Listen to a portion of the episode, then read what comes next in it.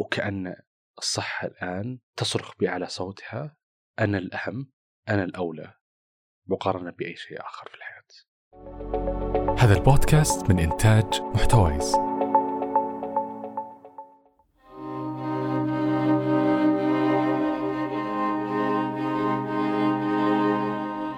من 2013 إلى 2019 كنت أدرس في المجال الطبي في كلية الطب وكان في السنوات الأخيرة وحتى السنوات اللي قبلها كان أغلب دراستنا تكون في المستشفى من حضور لعمليات جراحية إلى أخذ التاريخ المرضي من المريض ودائما تشوف معاناة المريض.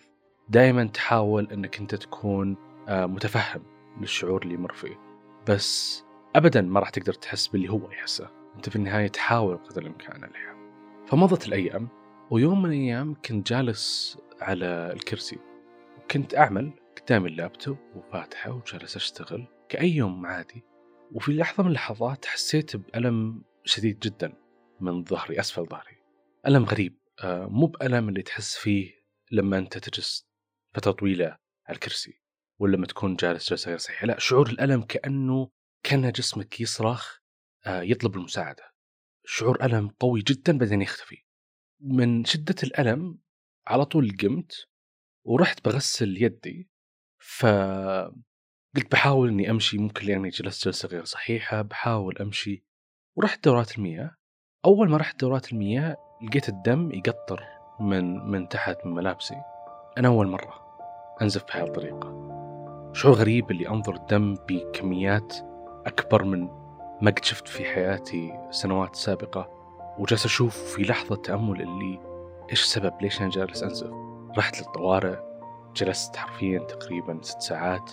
شخصوني شافوا المشاكل والمشكلة اللي أنا ما أقدر أشوف.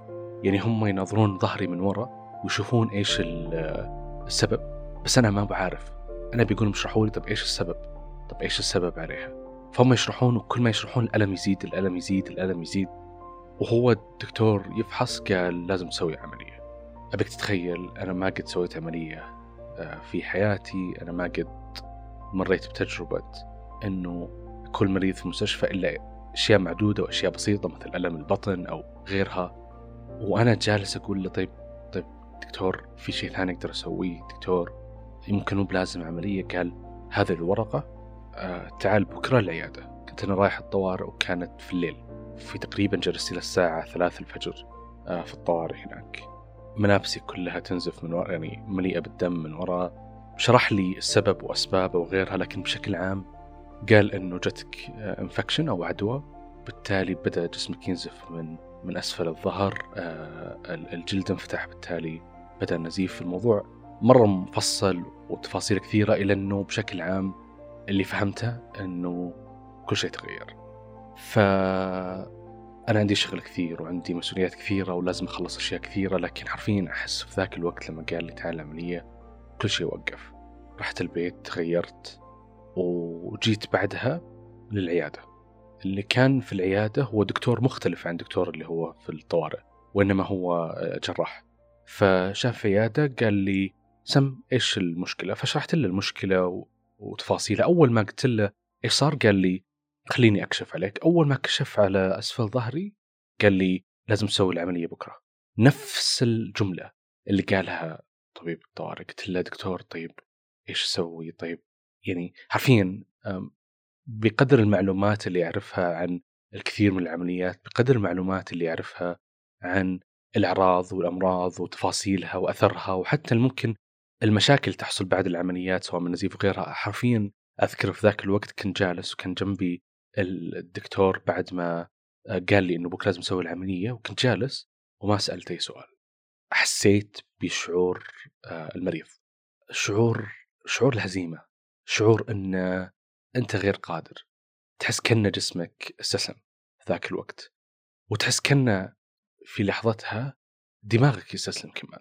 ما سألت أي سؤال مع أنه كان مهم أني أسأل أسئلة كثيرة منها. إيش الأعراض اللي تصير؟ طب قديش إن آمنة هذه العملية؟ طب إيش الخيارات الثانية؟ بس حرفيا أنا في خلال أقل من يوم تحولت من شخص يمارس حياته طبيعية إلى شخص لازم يسوي عملية في أقرب وقت. ف أعطاني ورقة خذيتها من خذيتها منه ورحت للشخص اللي ينسق العملية الجراحية فقلت له هذه هي الورقة وإنه لازم أسوي عملية. قال لي تعال الساعة 7 الصباح. يوم الأربعاء جيتوا قال لي تعال 7 الصباح يوم الخميس اللي هو اليوم اللي بعده. فأذكر رحت البيت ما سويت أي حاجة. كذا جلست. آه، حتى ما بحثت. آه، أعطاني هو اسم السبب اللي خلاني أنزف من أسفل ظهري لكن ما بحثت ما قريت عنها. حسيت إنه حسيت إنه ما في شيء أقدر أسويه. كذا شعور آه إنه أنتظر إيش بيصير في العملية. واصلا إيش هي العملية؟ واصلا إيش إيش معنى إنه واحد يسوي العملية؟ يعني هل هل العملية بتكون مجرد آه أنا غائب عن الوعي؟ أو إنه لا بشر كلها أسئلة كثيرة في دماغي لدرجة إنه نمت. صحيت الصباح ورحت لل... للمستشفى. لما رحت لهم قالوا إنه خلاص انتظر وانتظرنا كم ساعة كان عشان في عمليات كثيرة. وبعدها يجي دور في دور في العمليات مثلا في عملية الساعة 8 عملية الساعة 9 عملية الساعة 11 وهكذا في تمرير عليها. فأذكر آه طبعا قالوا لي إني أصوم كامل فما كليت ما شربت. قالوا لي يلا أبدأ أتجهز. رحت دخلوني زي الغرفة. آه شلت ملابسي كلها. ولما شلت ملابسي كلها أعطوني اللبس آه، حق المرضى اللي هو شفاف جدا وينفتح من وراء آه، خفيف جدا آه، المكان كان بارد. حرفيا جالس أنتظر أبيك تتخيل شعور إنك أنت جالس تنتظر بيسوون لك عملية. إيش بيصير؟ إيش ما راح يصير؟ ما تعرف. جلست طول الوقت لين ما جاني الجراح وجاء أخصائي التخدير. فجاء الجراح وشرح لي وقال لي إنه بنسوي كذا كذا كذا وبنفتح ظهرك بهذه الطريقة آه وهذا اللي بيصير. وهو يشرح الكلام ما قدرت أجادله يعني ما قدرت حتى أسأل أي سؤال. نفس الشعور إنه تفتح جسمي. طيب لما تفتح ظهري بالمشرط طيب إيش بيصير؟ طيب هل ممكن أنزف؟ قال اي ممكن تنزف. آه ممكن نسوي العملية أكثر من مرة. آه بعدين وفي نفس الوقت اللي هو يكلمني الجراح ابيك تتخيل يدي اليسار كان ماسكها أخصائي تخدير ودخل الإبرة فيها عشان يفتح خلينا نقول يفتح الطريق إنه لما ندخل العملية يقدرون يدخلون أي مواد سائلة أو أي مواد بطريقة أسرع عليه فكان هو يسويها وكان هو جنبي الجراح وجنبي أخصائي تخدير بعدين اعطاني الجراح الآيباد قال لي وقع عليه إنك أنت موافق العملية هذه. كل شيء مره بسرعة. وقعت عليه قال لي يلا بندخل جروا السرير وهم أنا منسدح. وأخصائي التخدير ماسك يدي اليسار والجراح يميني. والممرضة كانت قدام الدف السرير فأنا منسدح. نفس المشهد اللي تشوفه في الأفلام لما واحد آه، يدفون العملية اللي تكون المنظر إنه هو يناظر السقف والسقف فيه كذا أنوار. وتشوف كل شيء أبيض ساطع جدا نفس الشعور. إلى أنه كان مهيب ومخيف الشعور لأنه حرفيا كنت عبارة عن شخص منسدح في سرير يدخلونه في غرفة هم يجروني كان في أشخاص يطلعون من غرف ثانية يجرونهم بالأسرة. تحس كأنه شعور كأنه في مذبحة كان أتى دورك الآن. كذا سرير طالع بعدين سرير داخل بعدين تفتح السرير. إلين ما دخلوني غرفة العمليات. الغرفة باردة جدا باردة جدا جدا لدرجة أنك ترجف من البرد. أصلا ما على جسمك إلا طبقة واحدة فقط والمكان جدا جدا بارد. أول ما دخلوني داخل تأكدوا مرة ثانية قال اسمك كذا كذا قلت إيه. قالوا أنت بت... أنت عارف إنك بتسوي العملية كذا كذا قلت إيه. قالوا يلا. انسدحت على ظهري في العملية ومن هنا أنا ما أعرف إيش كان يصير على ظهري. بمعنى إنه أنا كنت منسدح على ظهري أشوف الأجهزة قدامي لكن الجراحين هم وراي. إيش قرروا الجراحين؟ قرروا انهم ما يخدرون تخدير كامل وإنما يخدرون تخدير موضعي. إيش معنى تخدير موضعي؟ يعني إنهم يستخدمون أبر التخدير بحيث إنه المكان اللي راح يسوون فيه العملية ما أحس فيه فما يحتاج اني اتخدر كامل. معناها بشكل أوضح أنا صاحي وهم يسوون العملية علي فلك أنت تتخيل أنت منسدح على بطنك بيسوون عملية على ظهرك. أنت ما تعرف التفاصيل كثيرة كيف بيشقون كيف يفتحون إيش بيسوون وأنت صاحي هم يسوون الشيء هذا. وهذا قرارهم طبعا للحين أذكر لما حطوا علي آه، السوائل اللي تمنع العدوى عادة قبل لا يسوون العملية أنا منسدح الجو جدا بارد لدرجة إنه جلست أرجف اللي قلت ما أقدر. يعني ما أقدر جدا برد. فجابوا زي. زي اللي عباره عن المكنسه زي ممكن زي لي المكنسة وممكن إنك أنت تتخيلها كذا وتطلع هواء حار تدفي آه فكان صوتها عالي جدا أشبه بصوت الم- الماكينة اللي تولد كهرب. والمكان بارد نور ال- العيا ال- ال- غرفة العمليات ساطع جدا وراي الجراحين. حطوا المواد السائلة اللي هي حقة العدوى وأذكر دخلوا أول إبرة. أول ما دخلوها أنا انتفضت من ال... من من شعور إن في شيء دخل لأن كل ما في بالي يقول لي بيدخل مشرط بيدخل مشرط بيدخل مشرط. بتحس فيه بتحس فيه بتحس فيه. فأول ما دخلت الزفت مسكني الجراح قال لي إنه ترى هذه الإبرة لا تشيل هم هذه الإبرة المخدره دخل الإبرة الأولى دخل الإبرة الثانية واحس فيها. إيش الفرق؟ الإبرة اللي يدخلونها لما يعطونك تطعيم أو أي حاجة في في يدك أو كتفك أو غيرها بسيطة جدا ما تدخل بعمق كثير. هذه دخلت في عمق جدا كبير. أحس فيها أحس فيها داخل جسمي. أحس كأنها شوي لو قدم زيادة بتلمس بتلمس أعضاء جسمي الداخلية. فدخل الإبرة الأولى دخل الإبرة الثانية. دخل الابره الثالثة بعدين وقف انتظار. كذا في لحظة صمت يقول خلينا ننتظر إلى ما يطلع مفعول التخدير. إيش فكرة مفعول التخدير؟ إني أنا ما أحس بأي حاجة. انتظرت آه ما أدري كم انتظرت. أعتقد انها كانت دقيقتين ثلاث دقائق لأني حسيت إنها ساعة. ابيك تتخيل إنك أنت تحس أنت جالس منسدح وراك ناس يبون يشقون جسمك شق بمعنى يفتحونه من ظهرك. بآلة حادة. وأنت ما تعرف إيش بيصير، أنت ما تعرف متى بيدخلونها ما يقولون لك ترى الحين بندخلها، أنت صاحي. أنت بس تحاول تستشعر أي شيء يلمس جسمك. بعد كم لحظة صار شيء آم، الأبد راح أتذكره. دخلوا المشرط داخل ظهري. وللأسف المخدر ما كان مفعوله قوي. فحرفيا حسيت بشعور حافة المشرط تدخل داخل جسمي. بعدين كلها وتشقه حرفيا حسيت بشعور لما واحد ينطعن إيش تصير؟ كيف شعور إن آلة حادة تدخل جسمك؟ ألم فظيع ألم فظيع. جدا جدا تحس إن الألم مو فقط في مكان الآلة الحادة داخل جسمك تحس الألم في كل جسمك. كل جسمك ينتفض كل جسمك يقاوم تحس كل ما فيك يوقف ويحاول يعرف إيش سبب الألم هذا ويمنعه. من شدة الألم جلست انتظر وأصرخ أصرخ حرفيا بصراخ جدا قوي آه لدرجة ان هم من من شدة الخوف من يعني الصراخ اللي يطلع سحبوا المشرط مرة ثانية. طبعا سحب المشرط هذا كان مؤلم بحد ذاته. بعدها لما شافوا إنه حسيت بألم كثير قالوا خلينا ننتظر مرة ثانية. انتظروا مرة ثانية. بعدها جابوا آلة هي آلة تستخدم في العمليات الجراحية. آلة عبارة عن أنها تحرق جلدك. غالبا تحرق لما. لما يفتحون. ال- يفتحون الجرح. يفتحون جسمك بمشرط آه غالبا تكون في أوردة آه تنزف فيستخدمون هذه الآلة حتى يقفلون الأوردة هذه ويوقفون النزيف فكانوا يستخدمونها وأحس بال... بالحراق أحس كأن جسمي يلتهب في كل مكان يضعون عليه. والمشكلة إيش؟ المشكلة أنه أنا كنت سابقا أحضر عمليات جراحية وصوت الآلة الحارقة أعرفها. لما تضغط عليها صوت الماكينة حقتها تطلع صوت أشبه بصوت أنه ترى هذه الآلة الآن تشتغل.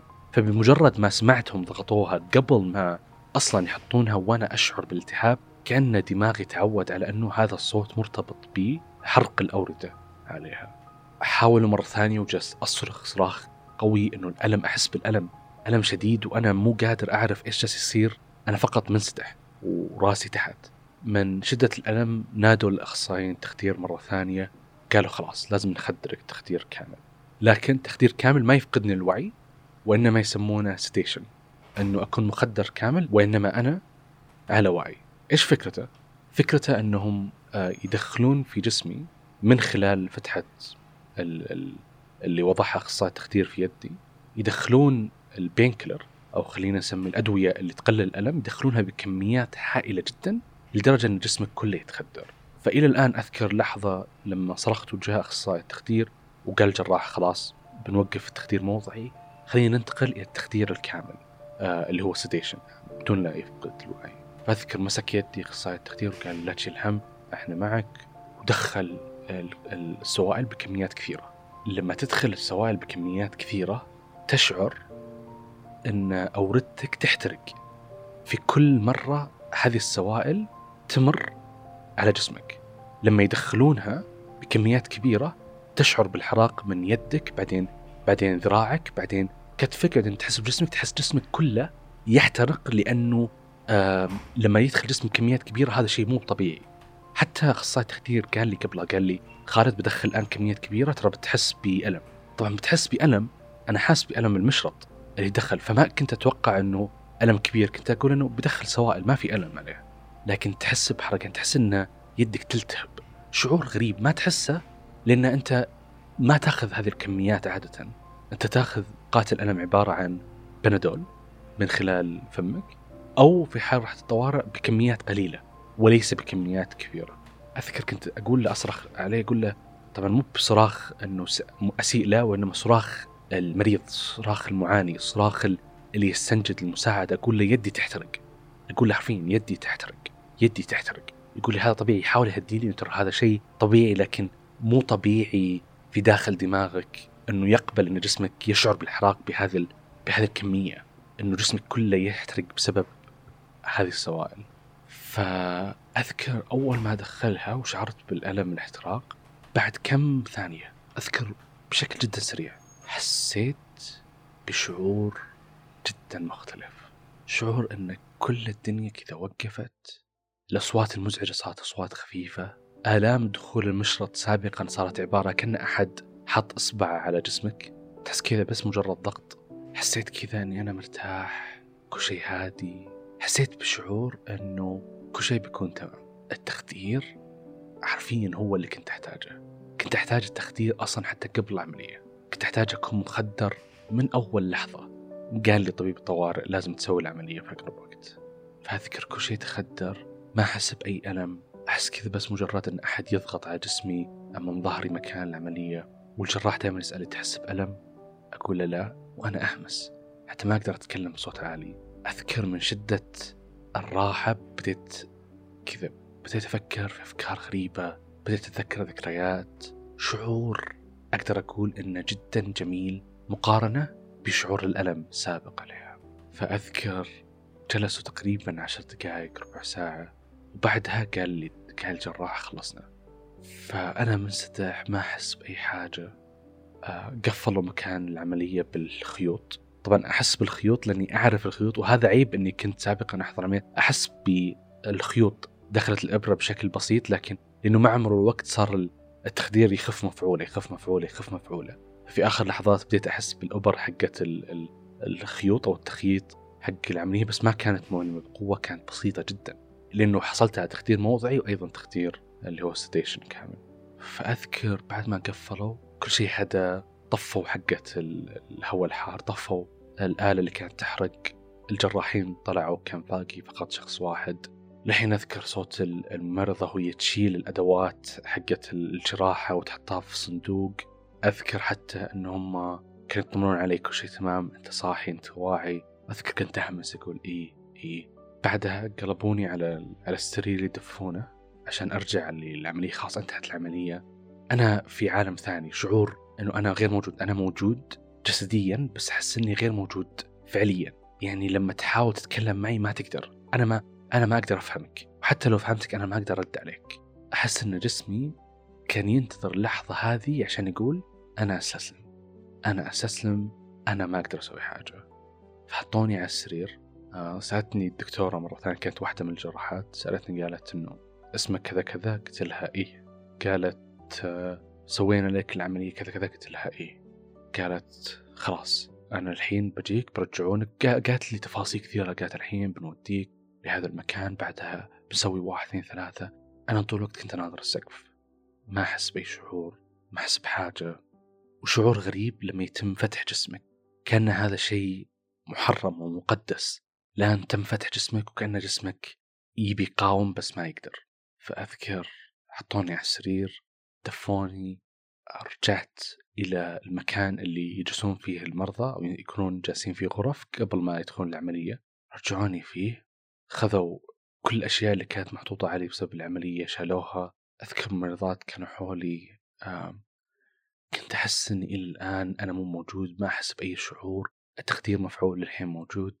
كل اللي كنت أقول لهم اني أنا عطشان أنا عطشان أنا عطشان أذكر جابوا لي الموية وما كنت أقدر أشربها يعني يدي كانت ضعيفة كنت حتى مسكة القارورة كان صعب علي. أذكر شربوني الموية وبعدها كذا جلست كذا انسدحت كنت منسدح وكنت أفكر إنه هذه اللحظة بتغيرني بشكل كبير مرة.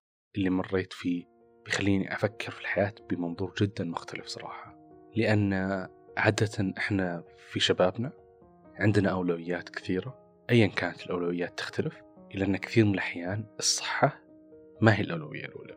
الصحة مو أهم شيء أنت تفكر فيه كل يوم لكن شعور أن الصحة تسلب منك في بضع ساعات وفي فترة وجيزة تنتقل من شخص متعافي إلى شخص مريض يتطلب الموضوع أن يتم فتح جسمك عشان يتم إرجاع الصحة لك. شعور سيء مريب أشبه بالكابوس لأنه في الواقع. أصوات آلات الحرق في العملية هي فوبيا بحد ذاتها. أصوات الجراحين هم يتكلمون أو الممرضين في وقت العملية. أصوات أصوات أفكارك في وقتها النور الساطع الجو البارد داخل ذاك الوقت كل ما فيني في ذيك اللحظة كان ودي يهرب أبي أهرب من هذا المكان أبي أطلع منه. أبي أطلع. طبعا ممنوع أني أطلع. بعد ما سووا العملية هي عملية يوم واحد. ما يتطلب أني أنا يتم تنويمي في المستشفى إلا أنه بسبب أنه هم أعطوني المواد المخدرة sedation كامل. انتقلوا من تخدير موضعي التخدير اللي هو sedation من خلال السوائل اللي ذكرتها. مطالب إني أنا أكون جالس على الأقل أربع ساعات. أنتظر. إلا ما يتأكدون إني أنا بصحة وعافية وإني أنا ما أطلع لحالي وان ما أحد. يكون معي. طبعا جلست انتظر طول الوقت. كنت طول الوقت أفكر. جابوا لي الأكل وأذكر من شدة الجوع حرفيا جلست آكل أكل كله وأحس بجوع كبير. أحس إني في ذاك الوقت مو كنت فقط جوعان. أحس إن في شيء سلب مني وأبي أرجعه. بس مو عارف إيش هو. مو بني أنا عطشان جوعان. في شيء سلب مني أكبر قيمة وأكبر قدر لأني ما أقدر أرجعه.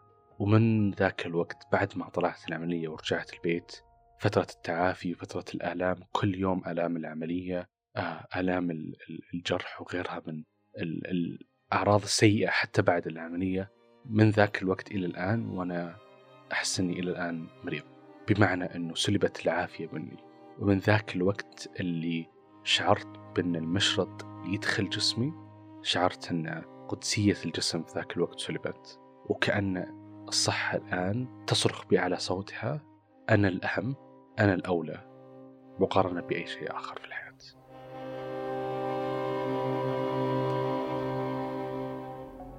بإمكانك الاطلاع على مصادر وتقارير مجانية لكل ما يخص البودكاست على موقعنا محتوايز دوت نت.